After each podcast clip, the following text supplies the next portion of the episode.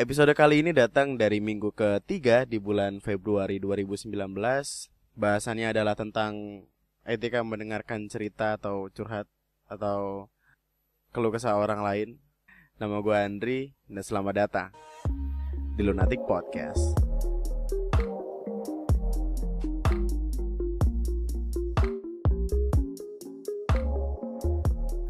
Hai selamat malam calon jenazah Gue gue dari tadi bingung gimana cara mulai sebuah podcast yang baik dan benar. Kayaknya harus ada sapaan gitu Tapi gue gak tahu gimana cara menyapa kalian semua. Kayaknya calon jenazah dulu Calon jenazah itu kasar banget. Eh, Tapi kita semua akan menjadi jenazah pada akhirnya. Jadi calon mayat, calon mayat. Hai calon mayat. Uh, Jadi sebelumnya gini gue mau cerita dulu. Semalam itu gue habis nonton sebuah video yang nunjukin gimana awal mula terbentuknya bumi dari mulai tabrakan asteroid terus uh, mulai ada laut ada hewan-hewan tumbuhan segala macam gitu kan. Terus sampai akhirnya ada manusia dan ada manusia ada satu hal penting yang terjadi dari sejarah itu semua yaitu akhirnya manusia bisa ngomong bisa ngeluarin suara. Gua ngebayangin gimana misalkan kalau sampai sekarang dari zaman dulu dari dari sekian ratus juta tahun yang lalu manusia tuh nggak bisa ngomong. Nggak bisa teriak-teriakan nggak bisa nyanyi nggak bisa bercerita. Gue nggak kebayang ada berapa banyak makhluk hidup di luar sana yang bakal kemakan sama depresinya sendiri dan akhirnya ya nggak bakal ada manusia karena pada akhirnya manusia akan habis ngakhirin dirinya sendiri karena nggak nggak punya tempat buat bercerita gitu. Terus itulah yang ngebawa gue ke sebuah pemikiran gitu. Apakah selama ini kita udah bercerita dengan benar? Dan apakah kita udah ngedengerin cerita orang lain dengan benar? Gue gue adalah tipikal orang yang suka ngedengerin cerita orang lain. Gue cerita-cerita yang menarik tuh selalu menyenangkan untuk didengar gitu. Kayak waktu itu gue pernah ketemu sama orang yang baru keluar dari penjara uh, dia masuk penjara karena mutusin tangan atasannya. Bukan bukan ngebunuh sih jatuhnya kayak dia dia mutusin tangan atasannya terus pendarahan terus akhirnya meninggal. Tapi tapi itu kan nggak langsung nyusuk nyusuk gitu kan kayak kesel terus ketemu ya gitulah pokoknya ini gitu. Intinya gue udah banyak banget dengerin cerita cerita orang. Cerita yang sedih yang serem banyak kan yang serem sih yang sedih juga banyak. Tapi tapi tetap ada yang lucu gitu yang pada akhirnya gue ceritakan ulang jadi tulisan dan segala macam selain itu gue juga suka bercerita gitu. Gue suka cerita sama orang gue suka nyeritain gue habis ngapain aja gue hari gue gimana. Dan kebanyakan itu gue ceritakan lewat tulisan atau kayak ya kayak semacam podcast ini. Karena gue gimana ya gue adalah tipikal orang yang sebenarnya takut buat cerita. Karena gue takut setiap orang yang ngedengerin gue cerita tuh nggak ngasih respon yang baik gitu akan cerita cerita gue. Gue tuh udah hidup cukup lama ya untuk menyadari kalau emang nggak semua orang tuh uh, tertarik sama kita, nggak semua orang tertarik sama cerita kita, dan nggak semua orang ngerti gimana caranya ngedengerin cerita orang gitu. Gue pernah waktu itu lagi cerita tentang hal yang sangat amat menyenangkan dalam hidup gue gitu. Gue ceritain ke salah satu orang, temen gue.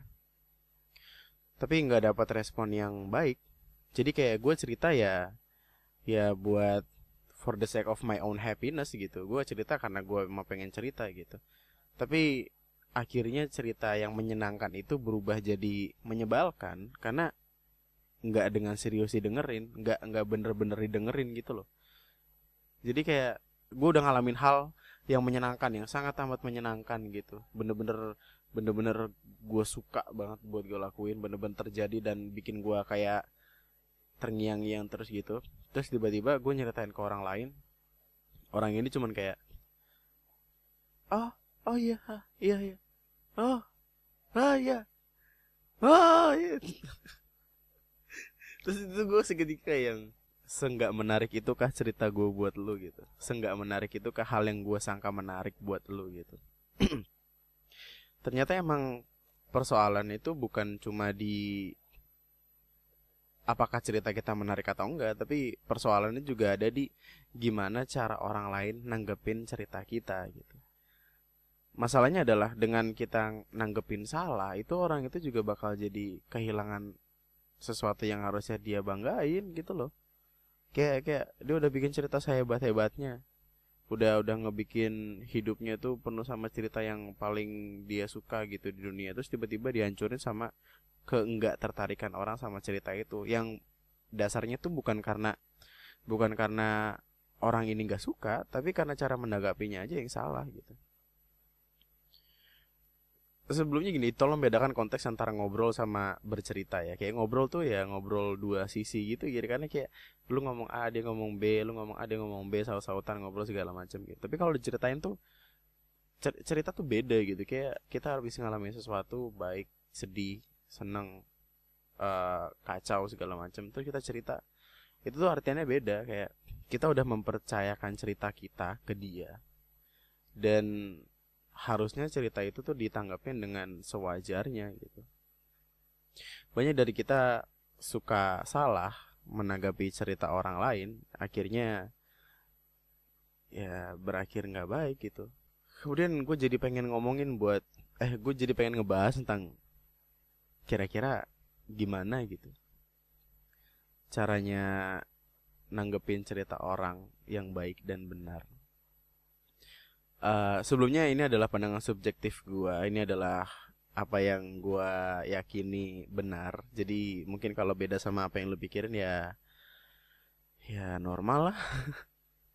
Tapi semoga apa yang uh, apa yang gua rasa benar ini bisa ngebantu lo buat jadi orang yang apa ya orang yang bisa ngedengerin cerita orang dengan versi yang lebih baik gitu.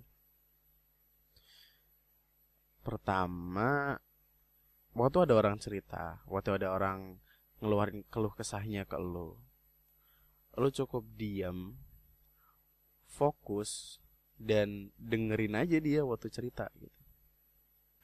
Nggak boleh asik sendiri kayak ada orang lagi cerita nih kita malah kayak buka-buka YouTube uh, ngetik-ngetik uh, ngecat rumah uh, bangun bengkel gitu buka usaha waralaba nggak bisa gitu. Kita kalau ada orang cerita tuh dengerin gitu fokus diem gitu. Kita tatap matanya. Kalau nggak kalau lu nggak berani tatap matanya ya lu tatap yang lain gitu. Yang penting lu diem gitu. Nggak nggak nggak berfokus sama hal-hal yang nanti bakal ngedistract cerita dia masuk ke kuping lu gitu. Soalnya kayak agak menyebalkan sih kalau misalkan kita cerita sama orang eh gini gini gini gini gini eh gue gini gini gini. Itu seorang itu tuh kayak nggak nggak fokus karena ngelakuin sesuatu pada akhirnya dia nanya A apa tadi gimana gimana? Ya. Nggak nggak jadi nggak jadi. Lupain lupain. Itu banyak tuh yang kayak gitu tuh. Lalu jangan motong omongan orang. Uh, sabar. Kuncinya sabar gitu. Kalau dengerin orang ya fokus dulu dengerin dia ngomong dengerin semua ceritanya sampai selesai. Jangan dipotong sama kalimat-kalimat yang entah pengen uh, ninggiin derajat lo atau pengen ngehina dia atau nurunin apa pengen nunjukin kalau diri lo lebih bener dari dia atau nurunin uh, kepercayaan dirinya jangan diem aja gitu. Nggak usah motong omongan orang. Nggak usah yang orang lagi cerita terus tiba-tiba uh, dia eh, gimana ya? Misalnya dia lagi cerita nih uh, tadi gue abis jatuh dari motor. Oh tiba-tiba gue pengen makan indomie goreng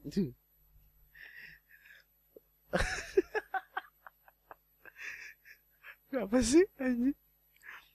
Terus uh, jangan ngelakuin hal-hal yang bener-bener ngasih lihat kalau lo nggak tertarik sama ceritanya. Kayak contohnya gue agak sebel sama orang yang kalau gue ceritain tuh dia fokus sama HP-nya gitu. Banyak ya pasti pasti banyak di antara kita yang kayak gitu juga. Maksudnya kayak ada orang cerita ke kita nih. Eh misalnya kita lagi cerita ke orang nih. Terus orang ini malah ya main HP gitu buka-buka IG, nge-scroll IG padahal nggak penting atau buka apa? Buka line, back ke home, scroll kiri kanan ke line lagi, close terus masuk Instagram, scroll scroll nggak penting gitu loh. maksudnya ya udahlah taruh dulu gitu HP-nya lu bisa main HP nanti waktu nggak ada gua waktu nggak ada orang-orang yang cerita ke lu gitu ya udah fokusin aja dulu nggak usah nggak usah kayak kibas hargai gitu hargai hargai orang yang lagi yang lagi ngomong gitu. Kayak level terendah dari nggak menghargai orang lain adalah dengan lu main HP waktu dia lagi ngomong. Atau main HP waktu kita lagi dibutuhin orang lain lah gitu sederhana gitu. Kayak itu tuh kayak level paling rendah gitu loh. Lu lu diminta bantuan sama orang lain lu main HP itu tuh kayak lu goblok gitu loh. Kayak orang lain bilang gitu handphone mendekatkan yang jauh menjauhkan yang dekat jadi ada sekat di antara orang-orang yang emang dekat sih gitu. lalu mungkin salah satu juga yang penting adalah jangan mikirin hal-hal yang gak pas atau hal-hal lain waktu ada orang cerita ke kita gitu kayak misalkan ada orang nyeritain hidupnya gitu panjang lebar panjang kali lebar kali tinggi terus lo malah mikirin aduh tadi keran di rumah udah mati belum ya? Eh nggak bisa gitu. Nggak bisa gitu. Eh aduh tadi kompor masih nyala kagak? Eh udah fokus gitu loh. Intinya tuh poin paling penting paling pertama tuh fokus. Udah diem dulu gitu. Diem diem aja gitu. Dengerin dulu dia cerita. Jangan jangan jangan ngelakuin sesuatu yang bisa ngedistract cerita orang ini masuk ke kuping lo gitu. Jangan udah. Intinya hargai orang lain ya. Jangan jangan malah ngelakuin sesuatu yang ya bakal ngebikin ceritanya jadi buyar gitu. Udah diem gitu. Liatin matanya gitu. Sih terjadian. Lalu kedua jangan buru-buru ngasih saran ini ini kayak adalah salah satu poin paling penting juga sih kayak banyak orang di luar sana yang kalau dengerin orang cerita tuh tahu-tahu ah ini lu harusnya tuh kayak gini kayak gini kayak gini. Wah lu sih parah harusnya lu kayak gini kayak gini kayak gini. Tuh itu tuh bukanlah hal yang baik untuk dilakukan gitu karena kayak misalkan orang habis ngelakuin kesalahan nih. Orang habis ngelakuin kesalahan terus dia cerita ke lu sederhana gitu cerita ke lu gitu. Terus lu dengan dengan sotoinya bilang wah lu sih lu harusnya gini gini gini. Wah gue gua kalau digituin orang gue tabok langsung gue kesel lah. Ya siapa sih nggak kesel gitu? Kayak kayak kita udah dia udah tahu kita ngelakuin kesalahan tapi dia malah nginjek-nginjek kesalahan itu supaya kesalahannya jadi makin terlihat sebagai kesalahan yang sangat amat besar gitu. Uh pusing. Intinya gitu gitu. Jangan jangan tahu-tahu langsung ngasih saran ah kalau orang itu nggak minta gitu. Dari dulu gue selalu percaya saran itu sebenarnya nggak nggak bakal kepake juga gitu. Percaya gue karena pada akhirnya manusia cuma bakal ngikutin kata hatinya sendiri gitu. Saran tuh kayak cuman cuman afirmasi gitulah kayak gue harus melakukan ini atau enggak gitu. Kalau saran lu iya ya pada akhirnya dia bakal ngikutin kata hatinya sendiri juga gitu. Iya atau enggak iya atau enggak. Ini masalah tentang diyakinin atau enggak udah. Masalah saran tuh sebenarnya kalau nggak diminta ya udah nggak usah ngasih gitu loh. Kayak ngasih saran tuh bukan sebuah hal penting untuk dilakukan waktu ada orang lain cerita. Uh, kayak misalkan dia nggak minta saran nih. Dia nggak minta saran nggak minta apa terus tiba-tiba lu datang oh lu baiknya gini gini gini gini gini gini gitu.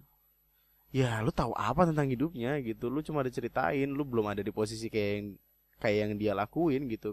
Lu nggak ada di posisi di mana dia berdiri waktu itu jadi ya udah nggak usah sosok ngasih saran nggak usah soto jadi orang. Kayak biarin aja dulu gitu. Kalau dia minta saran kita kasih saran sebaik dan se senormal dan seenggak subjektif mungkin gimana ya gue tuh kalau dimintain saran sama orang lain gue tuh ngambil sudut pandangnya ya sudut pandang semua orang gitu objektif nggak yang kayak nggak sudut pandang gue doang nggak sudut pandang tempat dia berdiri sekarang doang tapi juga ngambil sudut pandang dari banyak banyak tempat gitu. Jadi kesannya nggak egois nggak yang pengen memenangkan dirinya dengan hal-hal yang sebenarnya udah salah dia lakuin gitu. Kayak misalkan gini deh waktu itu ada teman gue dia udah punya pacar gitu udah punya pacar pacaran cukup tahun eh cukup tahun cukup lama sekian tahun gitu. Terus dia nanya ke gue eh nanya ke gue Andri gue kayaknya nggak bisa sama dia. Eh, kenapa? Bosen gue kira-kira gimana ya caranya biar gue bisa cepat putus sama dia? nah, itu bukan saran yang gampang untuk dipilih gitu. Lu bingung gimana milih saran buat halal kayak gitu. Kayak gue juga nggak bisa sotoy dengan bilang kalau apaan sih lu? Masa lu uh, udah pacaran lama-lama mau putus? Gitu. Ya gue juga nggak ngerasain gimana adanya di posisi dia gitu. Siapa tahu ada hal-hal lain yang melatar belakangi itu. Jadi gue mau nggak mau yang ngambil sudut pandang objektif dengan bilang kayak uh, kalau menurut pandangan gue ya kalau gue jadi lu sih gue bakal bertahan dulu gini gini gini gini gitu. Gue bakal usahain dulu gue bakal cari pemecahannya. Karena kadang emang bosan itu secara natural datang gitu. Tapi juga gue bakal kayak bilang gimana ada posisi gimana misalkan gue ada di posisi ceweknya dia gitu. Sebelum lu ngambil keputusan lu baiknya juga pikirin gimana keadaan cewek lu deh. Soalnya kasihan tau cewek lu tuh. Cewek lu tuh udah kayak berjuang juga gitu buat hubungan lu emang nggak kerasa sakit apa kalau misalkan lo ada di posisi cewek lo gitu? Jadi kayak gue muter-muter keadaan supaya supaya orang ini tuh ngerasain kira-kira gimana jadinya dia. Uh, kalau misalkan saran yang diambil itu dari sudut pandang orang lain juga gitu. Misalkan dia akhirnya pengen banget gitu lah buat putus. Ya gue ngasih sarannya juga ngasih saran dengan berlandaskan apa-apa yang emang orang lain rasain juga gitu. Jadi nggak yang di sudut pandang gua atau dia doang. Kalau sudut pandang dia doang ya masalah nggak bakal selesai gitu. Dia bakal cuman cuman jadi orang yang nggak mau dengerin omongan orang lain. Sih gitu. Bagus sekali. Waduh. Ya itu. Nah. yang ketiga jangan main banding-bandingan jangan main banding-bandingan ini yang selalu gue tekenin ke orang-orang yang kalau nanya sama gue gitu. Kayak gimana sih caranya buat ngedengerin orang biar baik? Jangan main banding-bandingan gitu. Ngebanding-bandingin satu hidup sama orang lain tuh kayaknya terlalu amat sangat amat menyebalkan untuk didengar gitu. Itu kayak levelnya tuh di neraka nih. Ada basement nih itu basement neraka di situ tuh. Pernah gak sih lo kayak lo lagi cerita sama orang? Aduh gue udah tanggal segini eh gue masih tanggal segini udah miskin coba gue udah nggak punya duit. Ya lu masih mending masih ada receh gue coba nih udah nggak ada duit nggak ada bensin ke mana-mana jalan. Terus tiba-tiba ada lagi gue nih coba liatin gue nggak ada rumah nggak ada tanah. Gitu terus sampai satu-satunya gembel batu. Gitu nggak gitu caranya gitu caranya adalah bukan dengan main sedih-sedihan hidup kita nggak boleh jadi orang yang kayak ngebanding bandingin satu sama yang lain dengan dasar kayak hidup gue paling susah ya nggak gitu. Nggak boleh lu kayak aduh gue depresi nih. Eh misalnya temen lu bilang kayak gitu kayak aduh gue depresi nih. Terus lu kayak bilang ah lu baru depresi doang. Gue kemarin sampai pengen bunuh diri. Lah. Jangan gitu dong. Maksud gue tuh kayak cerita itu adalah kepercayaan orang lain gitu. Dia cerita A ke lu ya supaya lu tanggapannya bisa mengerti gimana sih pola pikir A ini gitu masalah belakang-belakangnya lu dengerin dia dulu lu nggak boleh yang tahu-tahu langsung bilang hidup lu lebih parah atau hidup orang lain lebih parah. Ngebanding-bandingin satu sama yang lain tuh nggak nggak selamanya berhasil. Bahkan bisa gue bilang kayak lebih sering nggak berhasil gitu. Lu mau ngasih motivasi dengan cara yang salah lu ngasih motivasi pakai cara-cara yang yang kesannya kayak ngebikin dia jadi nggak ada apa-apanya gitu. Ngerti gak sih? Ya yeah, kayak dia punya masalahnya sendiri nih. Masalah orang masalah masing-masing orang kan beda gitu. Maksudnya kalau misalkan bagi gua nggak punya duit adalah masalah paling besar gitu dan sedangkan masalah lu yang paling besar adalah eh, nggak uh, punya rumah misalkan sedangkan gua udah punya rumah tapi gua nggak punya duit bukan berarti kalau kayak gitu hidup lo yang paling susah terus lo bisa bandingin itu sama hidup gua gitu nggak bisa. Lah nggak nggak nggak lu doang yang susah ya orang juga tahu gitu. Tapi kan kalau misalkan gua gua mikir gua susah ya jangan jangan dibikin kayak seolah-olah gua nggak susah. Tapi kan gua susah beneran. Bagi gua tuh gua susah gitu loh. Ngerti gak sih? Aduh pusing kan lu dengerinnya. Aduh kaki gue eh aduh gue jatuh dari motor kaki gue lecet. Wah lu mending gue jatuh dari motor kaki gue patah aduh gue pengen makan nasi di warteg tapi nggak punya duit. Lalu masih mending. Apaan sih lu masih mending mulu? Gue tampol. Jangan udahlah stop lah stop lah ngebanding bandingin hidup satu orang sama orang lain. Janganlah karena kadar kadar kesedihan masing-masing orang tuh beda gitu. Lo nggak tahu gimana rasanya jadi dia lo nggak ngerti gimana posisi dan tempat berdiri dia sekarang. Kayak yang tadi gue bilangin janganlah gitu loh. Udah jangan. Main perbandingan itu bukanlah hal yang bagus untuk dilakuin. Kalau lo pengen pamer-pameran hidup lo jangan jangan waktu orang cerita gitu. Pamer tuh nggak gitu caranya. Apalagi yang dipamerin juga kesedihan. Apa sih manusia mana yang kesedihannya dipamerin ke orang lain? Gimana sih? Wow aku sedih. Dan aku bangga. Kagak ada goblok. Lalu yang ke berapa? Keempat apa ke berapa? Pokoknya selanjutnya adalah ini ini mungkin salah satu yang bisa dibilang penting kita nggak boleh pasif juga buat ngedengerin cerita waktu ceritanya udah selesai. Bedain bedain konsepnya ya. Kita nggak boleh pasif waktu ceritanya udah selesai. Waktu dia masih cerita ya udah kita diem aja dulu fokus. Tapi waktu ceritanya udah selesai ya mungkin mungkin lu bisa nanya atau ngajak ngobrol atau ya basa-basi itu bukan hal yang baik sih. Tapi kayaknya basa-basi cukup gitu. Soalnya kalau misalkan ada orang cerita nih dia sampai nangis senggukan gitu. Terus masa lu mau diem aja gitu? Kayak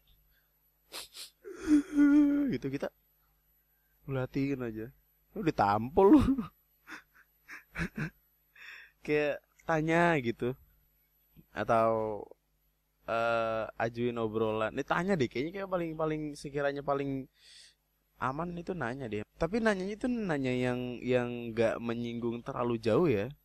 Ada beberapa orang yang emang kalau habis cerita tuh pengen ditanya supaya dia bisa ngeluarin lebih lagi supaya uh, segala yang dia tahan tuh bisa keluar lebih banyak lagi terus supaya endingnya dia bisa lebih tenang gitu. Tapi ada beberapa juga yang yang ditanya ya buat nyairin suasana aja gitu. Biar nggak nggak terlalu kaku biar nggak terlalu uh, gelap gitu. Bingung juga sih maksudnya emang bingung gimana caranya buat bersikap ke cerita orang tapi akan lebih membingungkan lagi kalau kalian berdua cuma diem-dieman gitu sedih gak sih? Maksudnya lo lo cerita nih bla bla bla bla bla bla bla bla orang depan lo cuman hmm, nganggu-nganggu gitu doh ya ngomong apa kayak gitu nyet? Nggak nggak gitu dong. Kasih gue tanggapan kayak apa gitu. Diliatin doang ya orang.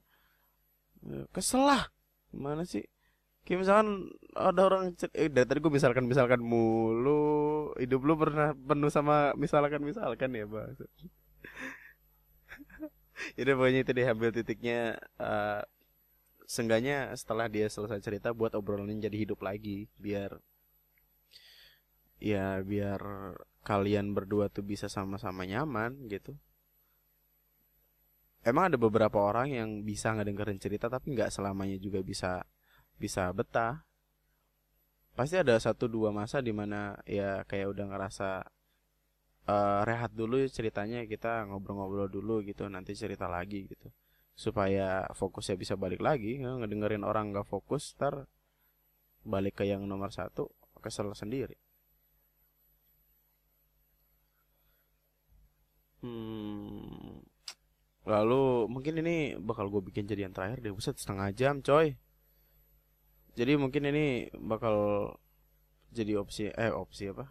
Jadi tata cara terakhir untuk mendengarkan cerita orang adalah Jangan pernah menyepelekan kalimat Jangan kasih tahu siapa-siapa.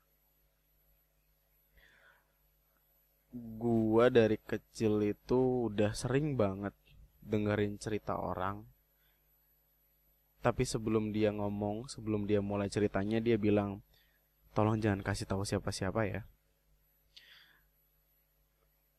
kayak yang gue bilang di awal orang cerita ke kita gitu karena karena dia udah percaya sama kita. Tapi ada level yang lain lagi dengan kalimat jangan kasih tahu siapa-siapa.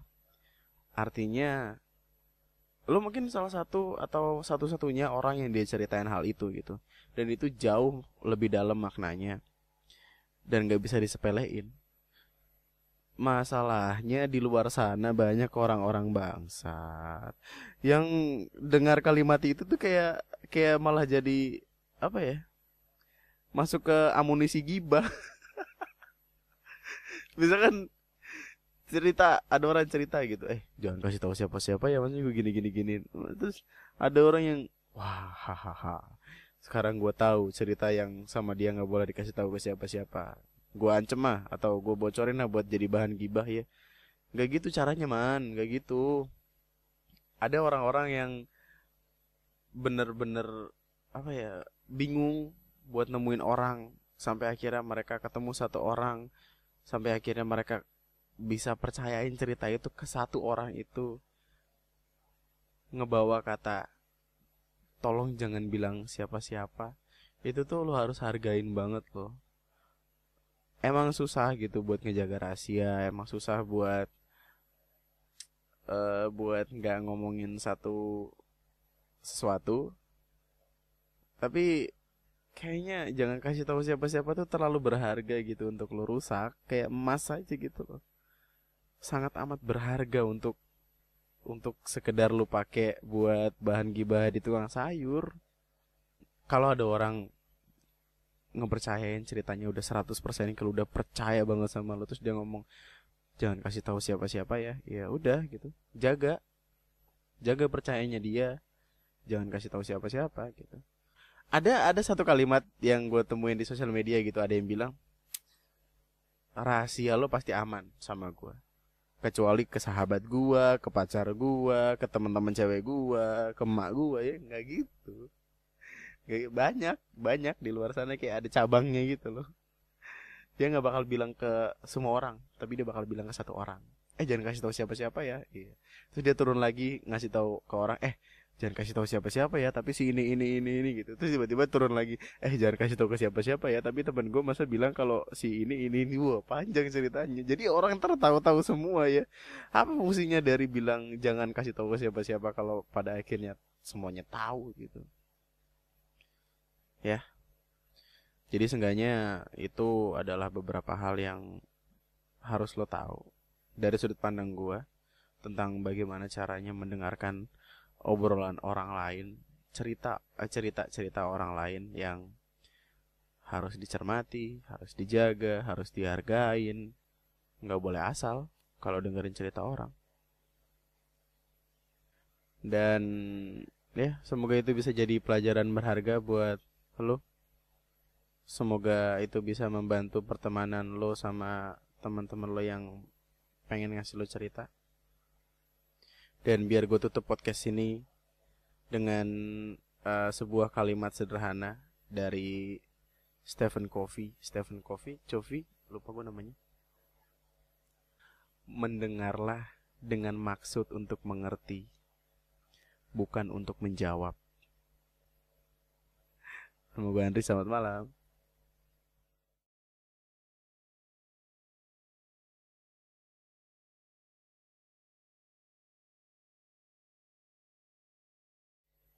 gimana caranya ngasih tahu ke teman-teman kalau kita capek ngedengerin cerita mereka? Uh, gimana caranya kita ngasih tahu ke teman kita buat berhenti nyeritain cerita yang dia ulang-ulang mulu? Gini loh sederhananya gini. Ada banyak orang di luar sana yang menganggap sesuatu yang dialamin tuh uh, menarik banget gitu loh. Saking menariknya kayak dia lupa udah nyeritain itu ke siapa aja dia lupa uh, kalau itu udah nggak boleh diulang-ulang lagi ke orang yang sama. Saking menyenangkannya gitu saking menyenangkannya menurut mereka cerita itu tuh harus diulang-ulang-ulang lagi. Gue sering punya teman yang uh, menurut dia cerita itu adalah cerita yang paling hebat dan gue juga nggak bisa yang tiba-tiba nggak nganggap cerita itu ada karena gue nggak pengen ngedengerin ya. Biasanya kalau misalkan temen gue cerita dengan cerita yang sama terus terus terus terus gue bakal ngeberhentiin dia di jeda pertama dia ngomong sih.